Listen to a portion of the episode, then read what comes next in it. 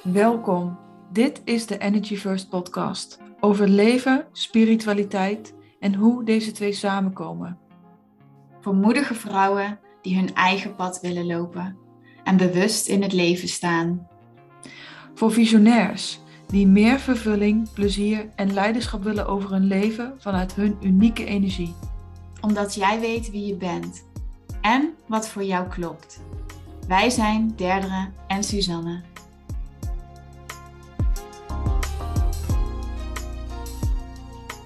Welkom, lieve luisteraars. Een nieuwe aflevering van de Energy First podcast. En vandaag hebben wij een ontzettend leuke en inspirerende dame te gast. Sanne Mol, misschien ken je haar wel. Um, de integratie-expert, als je het aan ons vraagt. En een dame met onwijs veel zachtheid, liefde voor haar vak, voor haar werk, voor haar klanten, haar community zou ik wel willen zeggen. Um, de starter van een revolutie. Volgens mij is dat een mooie omschrijving. Um, welkom, Sanne. Superleuk dat je er bent. Ja, dankjewel. Ook voor je woorden. Leuk. Ja, misschien wel leuk meteen om uh, met die revolutie te starten. Want ik heb jou dat horen zeggen en zien delen. En het uh, is misschien mooi voor de luisteraars om daar uh, ja, op aan te haken. Ja. Mm, God, hoe ga je dan een revolutie... Uh, start met een revolutie, wat is het? Viva la revolution! Ja, ja. Nou, wat voor revolutie ga je werking zetten? Mm, ik zie dat er een verschuiving nodig is waarin we... Um, waarin er een hele grote uh, groep mensen is die ontzettend veel werk aan zichzelf heeft gedaan de afgelopen jaren. En echt alles door hebben gewerkt. Hun leven 180 graden gedraaid en nog een keer en nog een keer. Mensen daarin helpen. En ik zie ook dat dat heel veel heeft gebracht, maar dat er een tijd komt waarin de manier waarop we dat doen, dus eigenlijk constant in proces zijn, um, op een gegeven moment meer gaat kosten dan gaat opleveren. En wat ik zie gebeuren is dat er dus die hele grote groep die zoveel kennis over zichzelf heeft en zoveel bewustzijn, dat zij een verlangen hebben om weer te gaan leven. Dat zij een verlangen hebben om eigenlijk weer een beetje te landen op aarde. Dus hoe sta ik eigenlijk in het leven? Is er eigenlijk nog leven voorbij die heling, voorbij mijn werk waar ik alles zo heb ingestopt? Hoe, en hoe zorg ik ervoor dat ik wat ik allemaal heb geleerd. Kijk, mensen hebben het natuurlijk al geïntegreerd, want zou echt uh, soort van, ik zou je echt duizend keer tekort doen als ik zeg, je moet nog doen wat je hebt geleerd. Of je moet nog integreren. Alle kennis die je hebt opgedaan, die pas je nog niet toe. Maar vaak zijn het echt de laatste procenten die het meest frustrerend zijn. En die zorgen er ook nog voor, een soort van die zwevende kennis, dat we niet helemaal kunnen landen weer in het leven. En de revolutie of de verschuiving die ik teweeg wil brengen met het werk wat ik doe, is dat kunnen we ervoor zorgen dat we als leiders, als mensen die andere mensen dragen, landen op aarde, dat we zelf ook weer gaan leven. Dat we echt gaan integreren wat we al die tijd hebben opgedaan. En dat we vanuit daar, vanuit zeg maar die gegrondheid en vanuit die menselijkheid ook echt kunnen gaan leiden. En ook kunnen gaan leven. Want dat is denk ik, het lijden is denk ik een logisch gevolg uit van het leven. In de plaats van dat we leven om te helen ja. Ja. Ja, mooi. En, ja, ik, ben meteen, ik krijg meteen de vraag, wat is leven dan? Wat betekent dat dan voor jou? Ja, dat is denk ik de vraag der vragen.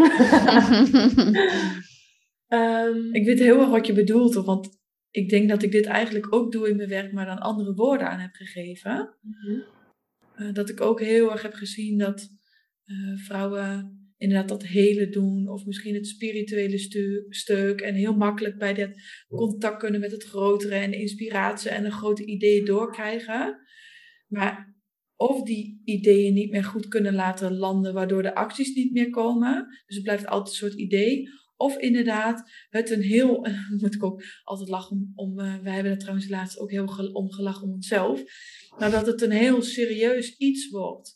Dat je altijd maar bezig bent met die missie en daarvoor die dingen bezig. Terwijl, ja, je mag ook gewoon leven. Je mag ook gewoon Zijn. Ja. Ja, naar een, uh, weet ik veel, naar een feestje toe gaan of met vrienden lachen of een dag in de tuin lummelen. Maar wat, wat is dat? Kun je daar meer over vertellen? Wat is leven? Ik denk dat voor leven, leven voor iedereen iets anders is. Voor mij gaat denk ik het erom dat, dat, we, dat je eigenlijk leert om ehm, bijvoorbeeld iets als een helingsproces, waardoor we vaak vergeten te leven. Dus we zijn daar eigenlijk alleen maar mee bezig en het wordt vaak ook een groot onderdeel van onze identiteit. Maar kan je helingsproces zijn, maar sommige mensen dat ook met een bedrijf of alle twee. Het zit natuurlijk heel erg verstrengeld dat dat eigenlijk zo'n groot onderdeel, als, je, als het leven soort van taart is, dat dat zo'n groot onderdeel is van die hele taart, dat er maar heel weinig is voor andere dingen. En wat ik wil, is dat je dat deel zo gaat integreren in het geheel, dat er ook weer ruimte komt voor heel veel andere dingen. Ehm, want als je het hebt over het leven en als je het hebt over wie ben jij dan in het leven en hoe kan je dan mens, een mens zijn in het leven? Dat vergeten we natuurlijk ook heel vaak. Hoe ben je eigenlijk, wat eigenlijk mens zijn, weet je wel? We hebben zoveel regeltjes opgeleerd en opgelegd en we moeten allemaal dingen van onszelf. Dat zijn we eigenlijk helemaal vergeten. En uh, ik weet ook niet of ik de als ik niet zo aan het praten ben, dan denk ik, ik weet ook niet of de vraag kan beantwoorden wat nou leven is. En dan denk ik me over, zo, je zegt toch dat het gaat om het leven, dus ik kan je niet uitleggen. Maar ik denk dat het hele punt is dat we vaak helemaal niet hebben geleerd hoe we mens moeten zijn. Of mm. dat we helemaal niet geleerd hebben hoe we moeten leven, of wat het leven eigenlijk is, of hoe het leven eigenlijk werkt, op een manier die fijn is voor ons. Omdat vanaf dat je letterlijk op de wereld komt, gebeuren er allemaal dingen, leer je allemaal dingen. En je eindigt vaak door een leven te leiden wat eigenlijk niet helemaal van jou is. Ook als je al duizend processen hebt gedaan en jezelf wel hebt gevonden, dan nog steeds ben je zo vaak een leven van wat je verwacht aan het leven. Ehm, dus hoe zorg je ervoor dat je dingen die niet van jou zijn kan loslaten en dingen die wel van jou zijn vanuit dat centrum van jou, de keuzes kan gaan maken eigenlijk waardoor je kunt gaan doen waar je echt goed bij voelt. En wat je voldoening geeft en wat je rust geeft en wat je liefde brengt. En ja, dat je kunt ervaren in je lichaam, want dat is natuurlijk nog een tweede. Van, soms doen we dat wel, maar kunnen we niet echt voelen, omdat we niet in ons lichaam zitten. En dan gaat het leven ook aan je voorbij. Ja, dat, dat vind ik een hele mooie. Dan gaat het leven aan je voorbij. Gaat het daar om? Dat, het leven niet meer aan je voorbij precies. gaat. Precies. En dat je dus continu eigenlijk van buiten naar binnen aan het leven bent. En je laat meeslepen, meevoeren, leiden door, door dat. In plaats van dat je dat uit jezelf haalt. Ja, eigenlijk wil je die switch omzetten. Hè?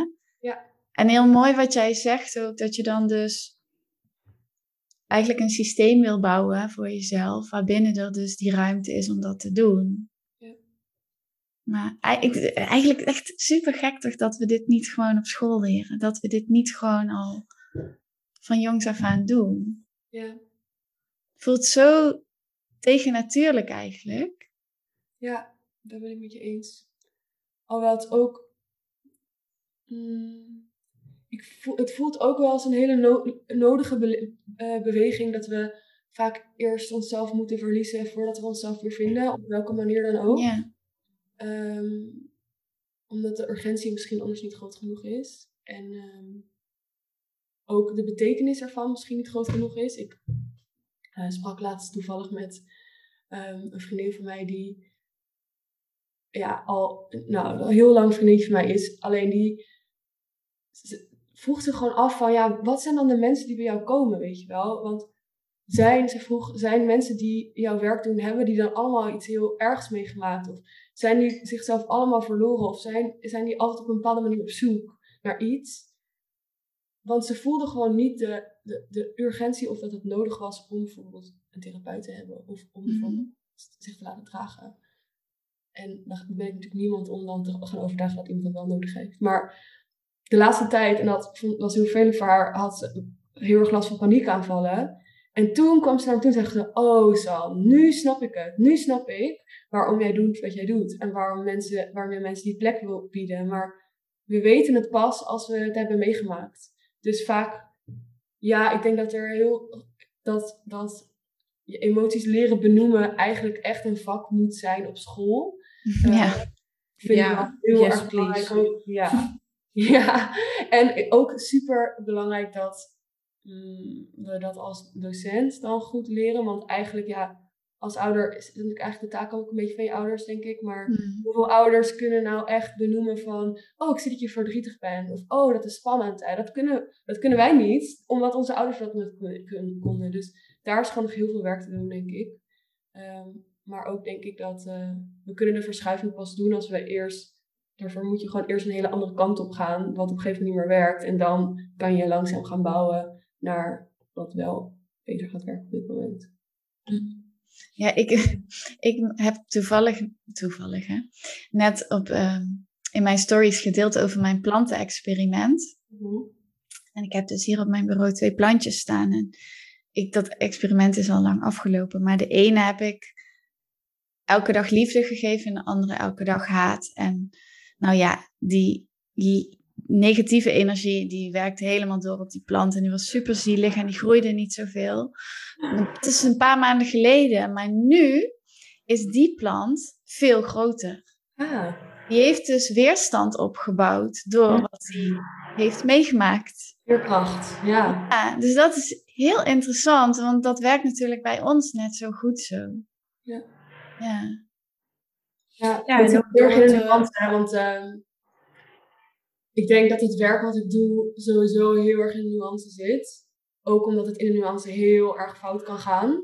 Ehm, als je het hebt over spiritualiteit en als je het hebt over interpretatie van bepaalde zinnen of quotes, dan kunnen twee mensen die totaal naar iets anders kijken, naar een manier op de, een hele andere manier interpreteren. En dan denk je echt, de een kan denken, oh ja, jij zou het echt meer moeten doen. En de ander denkt, ja, ik doe dat echt wel heel goed, want het staat er toch.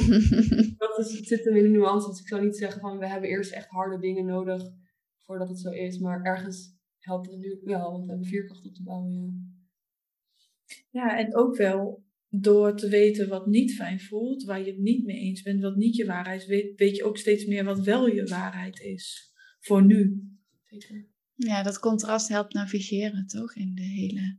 Ja, Reis, en, dat, en dan heb je het weer over mens zijn. Ik denk dat dat dus juist mens maakt, dat contrast, die dualiteit. Ja. En misschien is dan een valkuil dat je altijd maar die dualiteit blijft opzoeken om maar te blijven helen.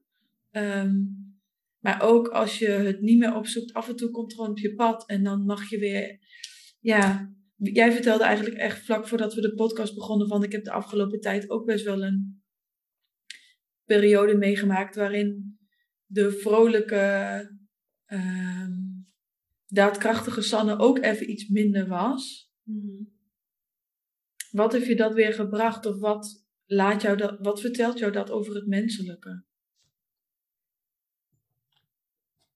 Ik denk dat ik de aller eh, menselijkste periode uit mijn leven heb meegemaakt de afgelopen maanden. Ehm, een voorbeeld te geven, mijn relatie ging plots uit. Ik denk dat het echt voelen van, van liefdesverdriet, de meest rauwe dingen, dat dat het meest menselijke is wat je kan meemaken. Ehm, juist in de beginfase ook. Ehm, de heftige emoties, het loslaten ervan.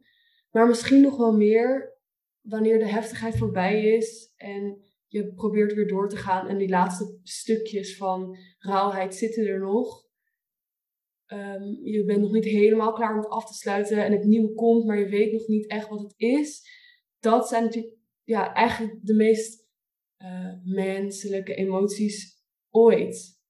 Ehm, en ook vaak de emoties die we het vaakst ontvluchten, die we het vaakst proberen te gl- beglitteren met mooie spirituele leuzen of eh, ontstijgen met weet veel meditaties of juist te rationaliseren met ah, het goed of zo. Mm. Dus wat heb ik van de afgelopen tijd geleerd? Daar echt in, in zijn. En eh, dat heel, van heel dichtbij meemaken. Dus constant naast mezelf staan in, in dat hele proces. Ehm, door weer en wind. En ik dacht, zeg maar, elke keer kom je natuurlijk in een nieuwe laag. En dan denk je nu, godsamme, het is wel goed. Eh, en dan is het nog steeds niet goed. En eh, dan heb je eigenlijk constant opnieuw een keuze. Ga je naast jezelf staan door alles heen, ook al vind je het kut. En ook al is er pijn, of, of beweeg je ervan weg. En beweeg je dus ook van jezelf weg.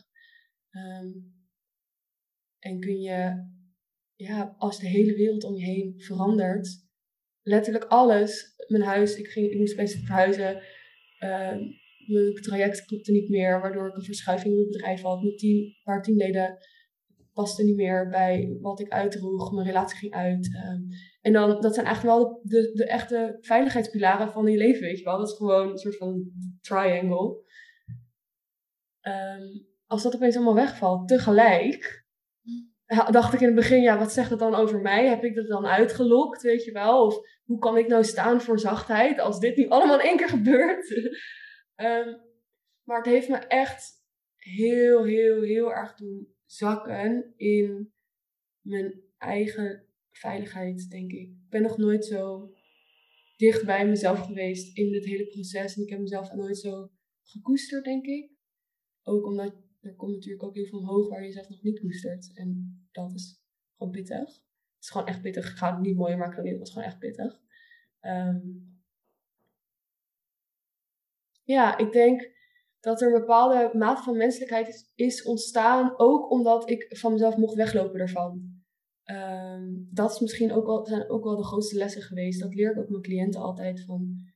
Dat is eigenlijk een beetje die regeltjes waar ik net over had ook van ja, als we dan uh, het spirituele pad op gaan, dan, dan leven we vanuit onszelf. Maar dingen die we hebben geleerd in boeken of leren van coaches of lezen op Instagram of weet ik veel. Dat internaliseren we zo erg, waardoor we onszelf eigenlijk nog best wel vastzetten. En nog steeds niet echt leven vanuit onszelf. Want we denken dat we op een bepaalde manier zo moeten zijn. Of we, dan voelen we iets en dan mogen we er niet van wegbewegen. Want de enige weg is er doorheen. Of we moeten bij onszelf blijven. Terwijl wat als dat niet hoeft? Wat als je mag wegbewegen, omdat je weet dat je daarna ook weer terugkomt? En wat als het soms zelfs nodig is om weg te bewegen? Kun je dan ook nog steeds bij jezelf blijven? Of kun je dan ook nog steeds in vertrouwen blijven dat je dus uiteindelijk weer in je eigen centrum komt? Ehm, dus die toestemming om niet alleen jezelf mens te vinden en goed te vinden als je ik veel, al je processen aangaat en zo snel mogelijk iets loslaat en zo snel mogelijk gaat en dan weer je bedrijf opblaast. Maar juist ook als je jezelf laat wegbewegen, dat zijn wel echt hele krachtige lessen die uh, ervoor zorgen dat ik echt, fuck, ja, mag, weet niet, nog schuilen in de podcast, maar, maar heel erg veel vertrouwen heb gekregen in um, de volledigheid van mezelf. Als in wat ik ook doe, het is goed en ik word gesupport en ik hoef niet um, alles perfect te verwerken of alles altijd helder te zijn of altijd in mijn lichaam te zitten om uh, te mogen doen wat ik doe. En dat brengt gewoon heel veel onvaarlijkheid naar jezelf toe. Ja, mooi. Ja, mooi. Het, het, woord wat ik de hele tijd in mijn soort van beeld heb als jij dit vertelt, is vertrouwen. Ja, ja. Volgens mij is dat de pilaar die je dan door zo'n proces heen ja. begeleidt. Ook al is dat er waarschijnlijk ook niet altijd, dat vertrouwen. Nee. Uh. nee. Ja, nee, ik ben wel benieuwd. Ja, zeg maar. nee, ja, precies. Er zit, zo, er zit zo'n spanning in, dit hele stuk hè, van die, die zachtheid en jezelf toestaan, maar ook het willen, die dynamiek waar ik voel de hele tijd zo dit, dit, dit spel tussen die, het wel meegaan, het niet meegaan, het jezelf toestaan of het jezelf ontzeggen of die zoektocht daarin, dat vind ik heel interessant. En ik ben wel benieuwd als we het dan hebben over vertrouwen of in zo'n proces, hoe dat voor jou, of hoe jij, hoe jij dat uh, ervaart in jezelf. Of misschien ook hoe je dat kan terugvinden als je dat niet hebt. Ja, dat was een mooie vraag. Die wilde ik ook vragen. Van, want je zei van ik blijf naast mezelf lopen. Ja, hoe werkt dat voor jou? Ja. Hoe kan je dat... Ja. Ik denk dat dat een proces is van jaren waar je natuurlijk steeds dieper in zakt. En als ik zeg erin zakken, dan bedoel ik dat ook echt um, voor mij zit namelijk heel erg in mijn lijf. En ik werk met de adem, ik ben ook ademcoach. En adem is daar voor mij gewoon echt het anker in. Ehm, als je weet en kunt voelen dat je door middel van een simpele ademhaling meteen soort van in je eigen centrum kan staan, dan wordt je ademhaling ook eigenlijk altijd de veilige plek waar je altijd naar kan terugkeren. En chill, want je adem is er altijd. Dus dat is vet lekker. Dan kan je gewoon, als ik hier zit, kan ik ook denken, oh hier ben ik weer. Ehm, en om tussen alles door wat er gebeurt te verbinden met de adem en echt even te voelen, oh ja, alles te voelen wat er is. Want ik denk dat dat het vertrouwen, dat is het meeste wat vertrouwen is, hè, van vertrouwen en ik denk innerlijke veiligheid gaan natuurlijk heel erg samen. Het gaat heel erg over voelen. Dus kun je alles binnenlaten en voelen dat je oké bent. En niet zeggen van alles is oké of het komt wel goed. Weet je wel, dat is natuurlijk ook iets wat je vaak hoort. Van, en dat is ook oké en dat is ook oké. Terwijl ik denk, echt voelen is ook voelen dat het soms niet oké is. Ehm, maar kun je het echt binnenlaten en soort van jezelf heel hard vasthouden en blijven ademen door alles wat er is. En dat, daar telkens weer naar terugkeren. En letterlijk soms naar achter hangen. Als ik nu in mijn stoel zit en ik denk, oh help, ik ga, dan kan ik letterlijk naar achter hangen. En dan voel ik, oké, het, is, het is, ik ben er nog. Ik weet niet waar het gaat eindigen, ik weet niet waar ik heen ga, ik weet niet hoe. Ik weet mijn god niet hoe. maar ik ben er en ehm, het, het is goed. Ja, mooi. Is er iets, is er een oefening die je al, die je zo aan iedereen zou kunnen geven? Ik weet dat het niet alles oplost, want het is een jarenlang proces. Hmm. Wat je, je zegt van, oh dan ga ik achterover in mijn stoel zitten, dat helpt sowieso al. Dat doe ik trouwens zelf ook heel vaak. Dan ga ik achterover. Altijd als ik merk, oh, oh mijn, nek zit helemaal vast en ik zit zo verkrampt, allemaal dingen wat ik wil van alles. Dus ik ben achterover in die stoel zitten. Maar wat is, zou je iets kunnen aanreiken of zeg je van dat is. Komt er iets in je op nu? Nou ja, is eigenlijk super simpel. Dat is het leuke met de adem, zo overlukt. Zeg maar. Je kan nu al, ik kan nu al tegen je zeggen: oké, ga maar even met je voeten op de grond. Dat doen heel veel mensen eigenlijk ook nooit. Ik ook niet. Ik zit altijd met mijn knieën eigenlijk opgetrokken. Maar, en doe je ogen maar eens dicht en, en druk maar even zo met je voetzolen op de grond. Voel maar echt even die, dat contact. En Misschien even met je mee hoor. Ja, ja, ik ook. Misschien leg je dan even je hand op je buik. En dan met je ogen dicht mag je even voelen, gewoon je ademhaling zonder dat je ergens heen hoeft te ademen. Gewoon kijk of je heel dichtbij kan komen bij het gevoel van de adem waar het in je lichaam gaat. Dus misschien is dat je neus, misschien je longen, Misschien lager bij je middenrif of wel je buik.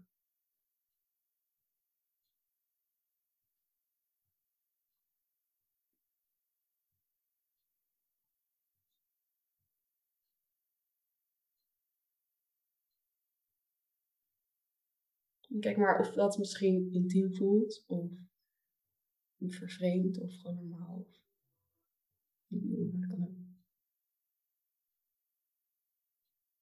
Maar je kan je adem natuurlijk voelen als een manier van thuis bij jezelf. Het verbindt je met je hart. Het verbindt je met eigenlijk het hele centrum van je lijf. Dus zonder nog verder iets te veranderen kun je verzachten om de adem heen. En kun je misschien wel, terwijl je zo'n lichte focus op je adem en je voeten hebt, een klein beetje naar achter leunen. Gewoon op de stoel.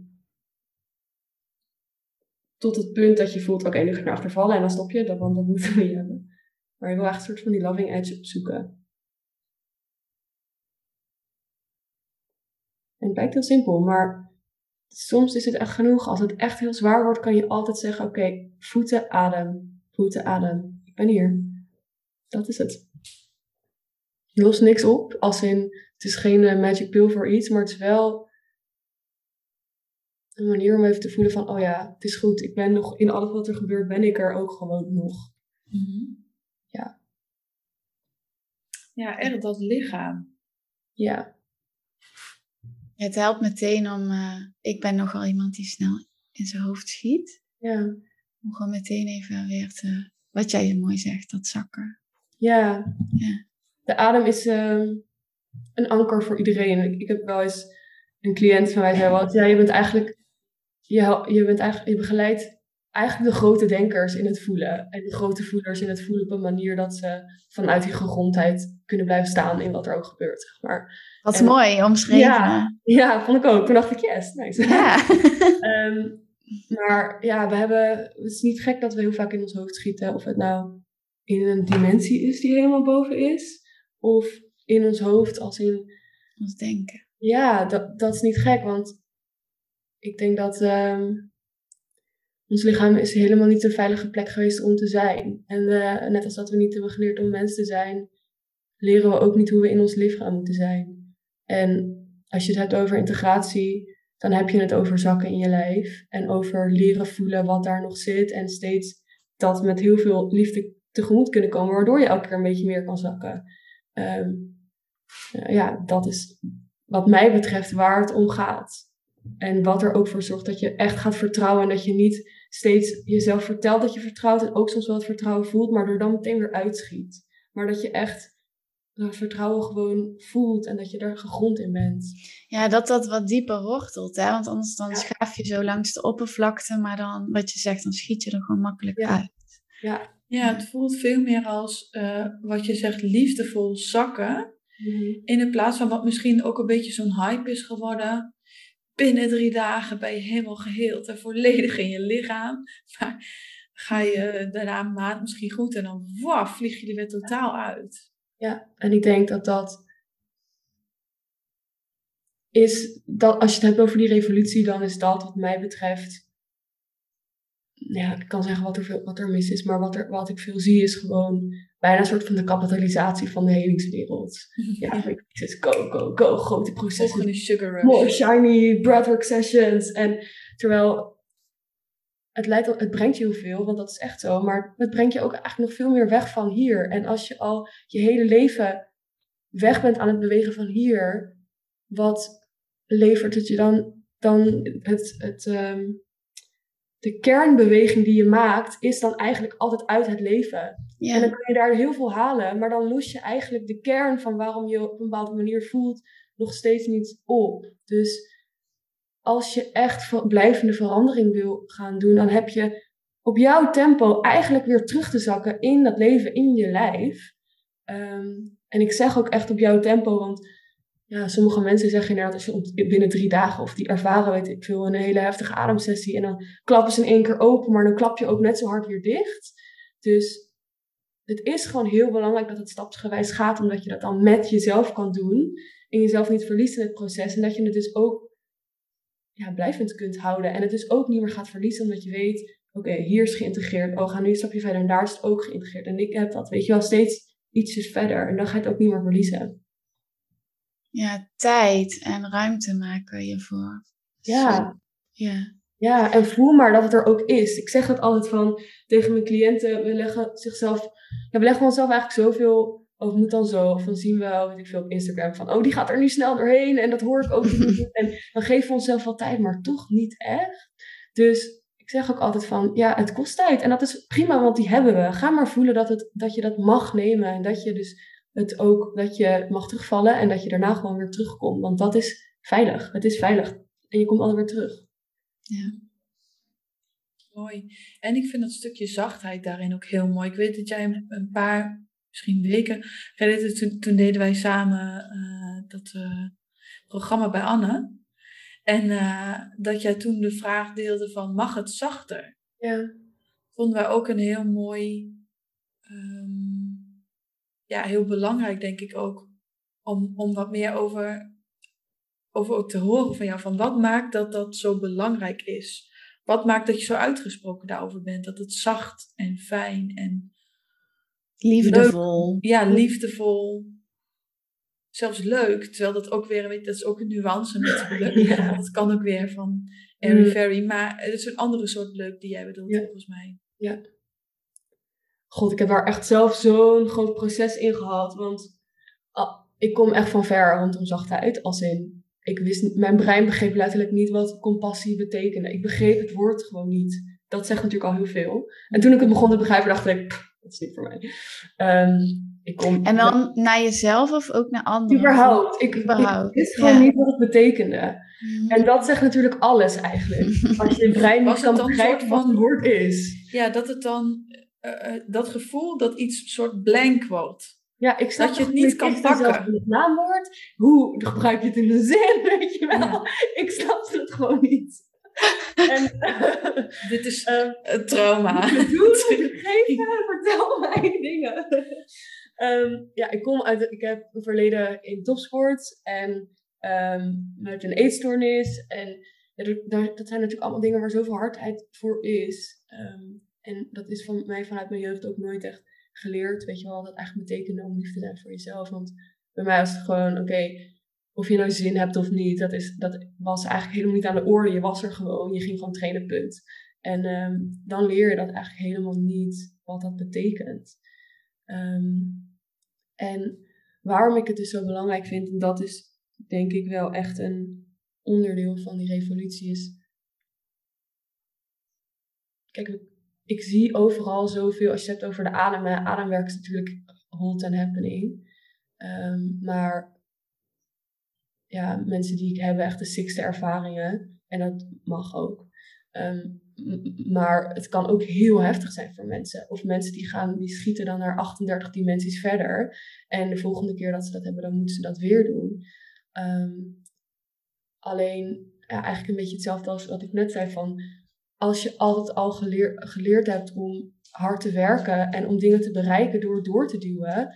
Wat gaat het je dan echt brengen om dat nog een keer te doen? En ondertussen wel een puppy binnen. Ehm, wat gaat het je dan brengen om dat nog meer te doen? Want haal je dan eigenlijk de echte. mm,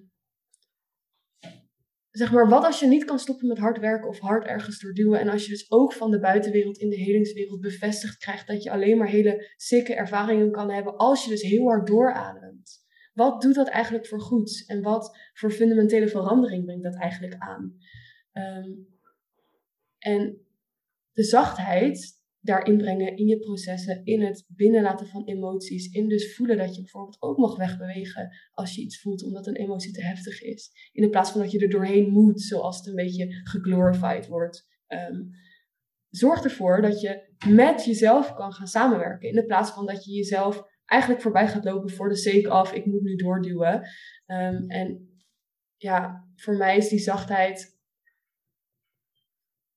echt, ehm, nou bijna, ik wil zeggen companionship met jezelf. Ehm, en een, hele, een heel belangrijk tegengeluid van sommige dingen die ik om me heen zie. Ja. Ook, om, ja, ook omdat ik dus zelf van zo ver kom. En als je tegen mij had gezegd, je moet gewoon zacht voor jezelf zijn, dan dacht ik echt, ah, zacht zijn. Hoezo, weet je wel. Ik kan toch, weet je wel, je haalt natuurlijk, je haalt natuurlijk heel veel in deze wereld met heel hard werken. Daar kom je fucking ver mee. Ehm, dus waarom heb je dan zachtheid nog nodig? En als je had gezegd, jij moet gewoon lief zijn voor mezelf, dan valt het ook weg voor iemand die eigenlijk best wel een bikkel is en die best wel stoer, zichzelf best wel stoer vindt. Als je mij zou zien nu, dan zou je nog steeds niet mij zien misschien als een heel erg zo... Dat ben ik ook niet. Maar daarvoor is het dus wel nodig dat je zachtheid echt gaat voelen. En dat het dus niet een soort van wegwaaien zachtheid wordt, maar dat het echt belichaamde zachtheid wordt. Ik merk dat ik een beetje zo overal overheen praat. Maar misschien eh, dat het duidelijk is zo. Mhm. Ja, volgens mij is het duidelijk. Ja, dus eh, ik dacht nog wel van. eh, je, zei, je zei net iets van. als je heel hard bent, waarom heb je dan zachtheid nodig? Ja, waarom heb je dan zachtheid nodig? Dat was nog mijn vraag. Ja, goede vraag. Ik denk dat als je. Het gaat eigenlijk al, altijd om het, het herkennen leren herkennen van een bewegingsrichting.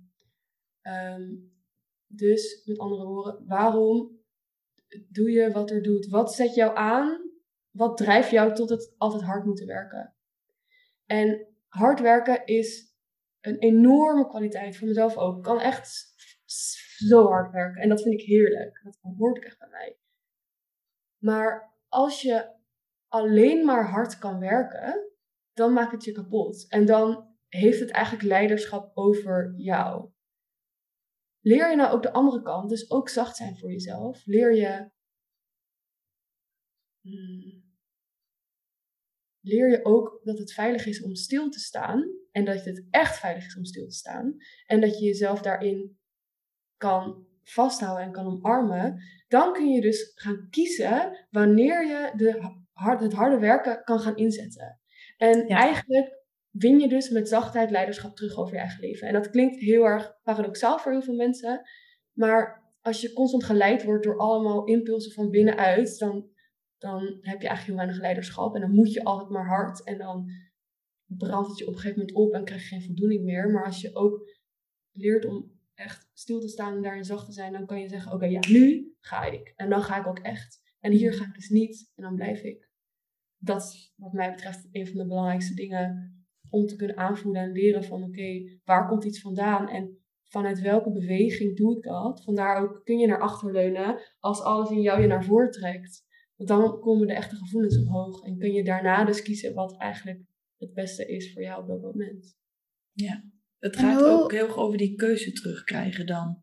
Je mag kiezen hard of zacht. Het is niet altijd hard. Ja. En je hebt ook niet altijd zacht nodig, maar over het algemeen hebben we denk ik iets meer zacht nodig dan hard ja. in deze maatschappij. En hoe, want je hebt het over, dan voel je die interne impulsen en dan blijf je maar gaan. Hè? Alsof dat dan een soort van geaccelereerd wordt of zo, denk ik. Zo herken ik dat dan wel in mezelf. Ehm, ik ben wel benieuwd hoe je het dan ziet. Van waar zit dan die soort van. Want volgens mij gaat het heel erg over balans en over die begrenzing ook ergens. Maar hoe voel je dat dan? Want als intrinsiek voel je, of ja, snap je mijn vraag waar ik heen wil? Ja, ja, ik snap goed wat je bedoelt. Um, Oké, even denken hoe ik moet uitleggen, want dit is echt zoiets wat ik heel erg heb, um, maar ik ook steeds meer achterkom dat mensen dat niet zo hebben. Um, als ik zeg dat ik bewegingsrichtingen voel, dan ik voel letterlijk door te bewegen en waar, waar iets vandaan komt. Dus ik denk dat het misschien niet eens over balans gaat.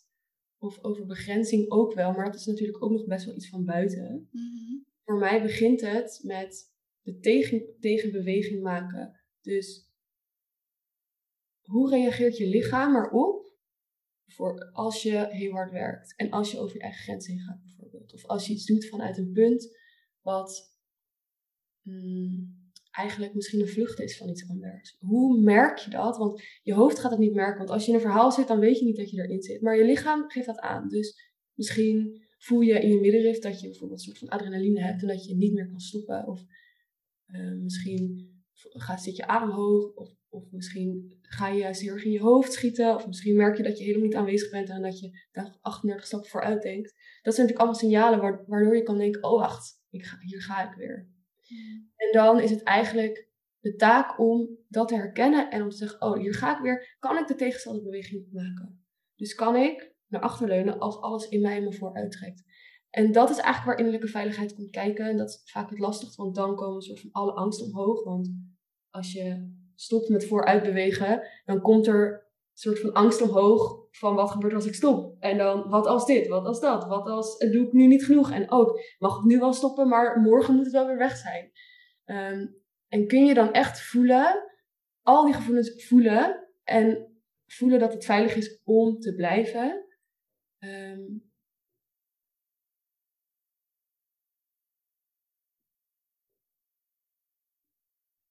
ja, dat eigenlijk. Kun je voelen dat het veilig is om te blijven en dus de tegenstander beweging maken.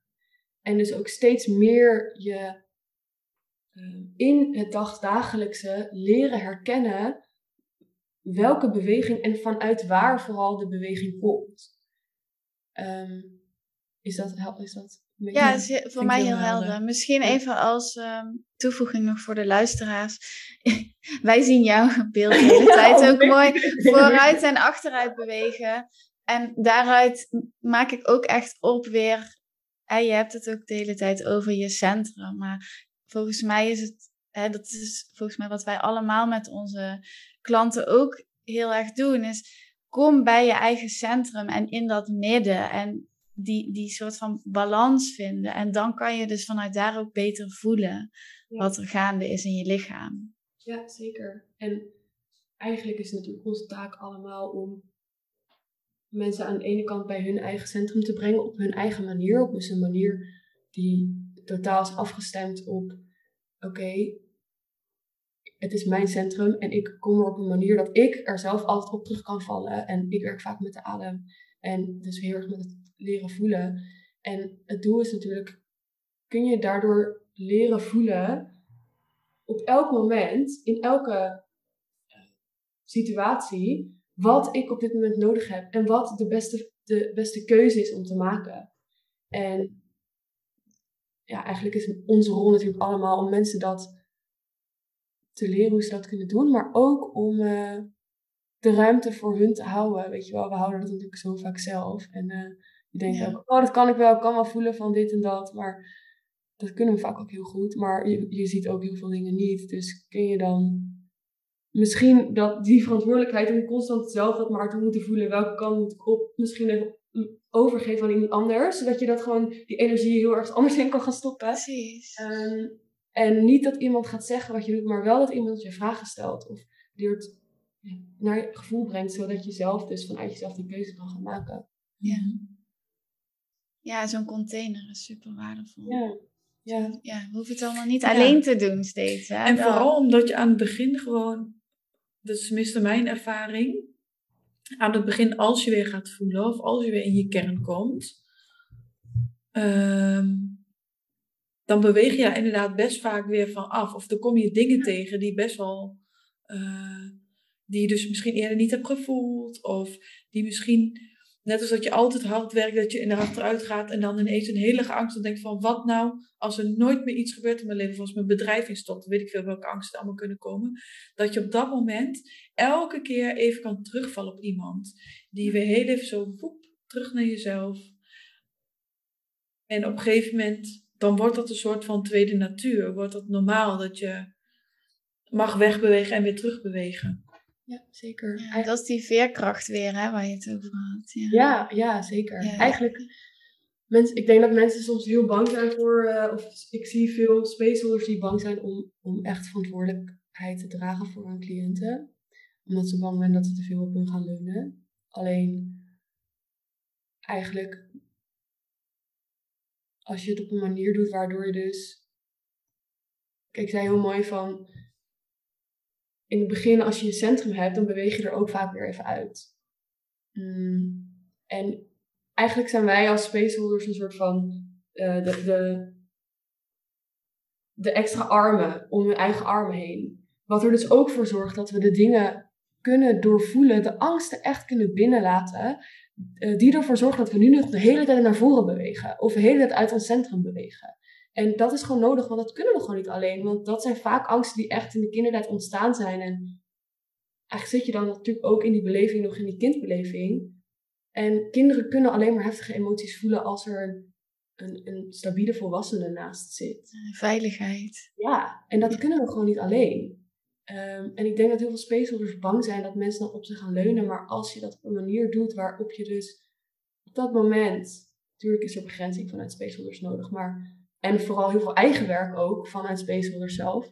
Maar als je de, de kindstukken kan leren doorvoelen. Um, als je kan werken met die echte pijn. Dan vergroot je eigenlijk het vermogen van je cliënt om meer te leren voelen. Dus dan gaat je cliënt ook steeds meer op, op zijn eigen benen staan. Waardoor jij er steeds meer echt naast kunt gaan staan. En dat is natuurlijk eigenlijk de groei die je wil. Ehm, dan spreek je zelfredzaamheid aan, maar ook het echt mogen leunen. Um, ja, dus ook weer heel erg die balans. Ja, Wederom, ja. zeg maar. De, ik, ik denk even aan een... Uh, een klant die steeds hetzelfde patroon had. En, uh, en daar elke keer begeleiding in kreeg. En op een gegeven moment was er ineens een moment waarop ik dacht: nee, nu, ga, nu voel ik dat ik even niet mag antwoorden. En ik denk een halve dag later kwam ze zelf, was ze zelf die loop heen gegaan. Dus er komt op een gegeven moment een kantelmoment. En misschien is de En je kan het heus ook niet altijd weten als spaceholder, maar is dat misschien je werk om steeds beter te leren aanvoelen van, hé, hey, wanneer, wanneer is het veilig, is het juist veiligheid om mee te denken en wanneer is het juist veiligheid om iemand binnen de ruimte die zich gewoon voelt, want in alle noodgevallen is er iets, maar binnen die ruimte zelf te kunnen bewegen. Zelf te kunnen oplossen eigenlijk. En te ontdekken, wow, ik ben veel sterker, ik kan dit nu zelf. Ja, heel mooi. Ja, en daarom vind ik het zo leuk om met spaceholders zelf te werken, omdat die het meteen erdoor kunnen geven. Omdat het zo belangrijk is dat. Kijk, dat gaat natuurlijk ook allemaal over die bewegingsrichtingen. Dus je hebt zoveel dynamieken die spelen. Je hebt en de cliënt met zijn stuk. En je hebt als spaceholder je eigen menselijke stuk. Want dat is er ook. Je bent ook een mens. Dingen gaan je ook raken. Ehm, en je hebt ook nog een dynamiek. En er speelt gewoon heel veel. Dus des te belangrijker is het dat jij je spaceholder, als spaceholder voelt van... Oh, ik word nu getriggerd. Ik voel nu bijvoorbeeld een urge om iets te zeggen. Kun je dan herkennen dat je dus... Nou ja, ik beweeg nu weer naar voren. Dat zie je niet. Kun je dit herkennen dat je dan weer naar voren getrokken wordt. En ademen. En expres naar achter leunen. Om gewoon je eigen trigger in ieder geval niet in het proces van de ander te laten plaatsvinden. Um, want anders ben je er natuurlijk nog steeds niet echt voor de ander, maar meer voor jezelf. Um, en dat is uiteindelijk niet wat we willen. Um, ja. Ik had laatst uh, tijdens een meditatie een soort van visioen. En dat ging ook heel erg hierover. En ik zag ons als spaceholders in een cirkel zitten, in een soort van treintje, om echt elkaar, weet je wel, zo op te vangen. Omdat, ja, wat jij zegt, van, jij hebt ook jouw steun weer nodig en diegene ook weer. Weet je wel, zo hebben we natuurlijk elkaar ook heel erg nodig om het samen te doen. Dat vind ik ook heel mooi en heel krachtig hieraan. Is het ook? Is het ook ja, die verbondenheid of zo, ja. Horen gezelligheid op de achtergrond. um, dus misschien is het tijd om af te uh, gaan ronden. Is er nog iets wat, je, wat nu nog te binnen schiet, wat je heel graag zou willen meegeven? Of... Ja. Nou ja, de vraag wat als het ook zacht mag, komt nu helemaal op. En ga maar eens echt voelen um, het lijkt een simpele vraag, maar ga maar eens echt voelen wat er gebeurt in je lijf. Als je vraagt wat dat ook zeg mag, want vaak komt er opluchting, maar ook een angst. Waar zit het in je lijf? Hoe beweeg je ervan weg? Hoe. Ja, voel maar eens wat er echt, echt wat er gebeurt en wat er opkomt als je jezelf die vraag stelt. Waar ben je bang voor dat je verliest? En kun je dat, al die gevoelens binnenlaten terwijl je blijft ademen en je voeten blijft voeden? Dat is misschien een uh, praktisch iets wat ik mee wil geven. Ja, mooi. mooi.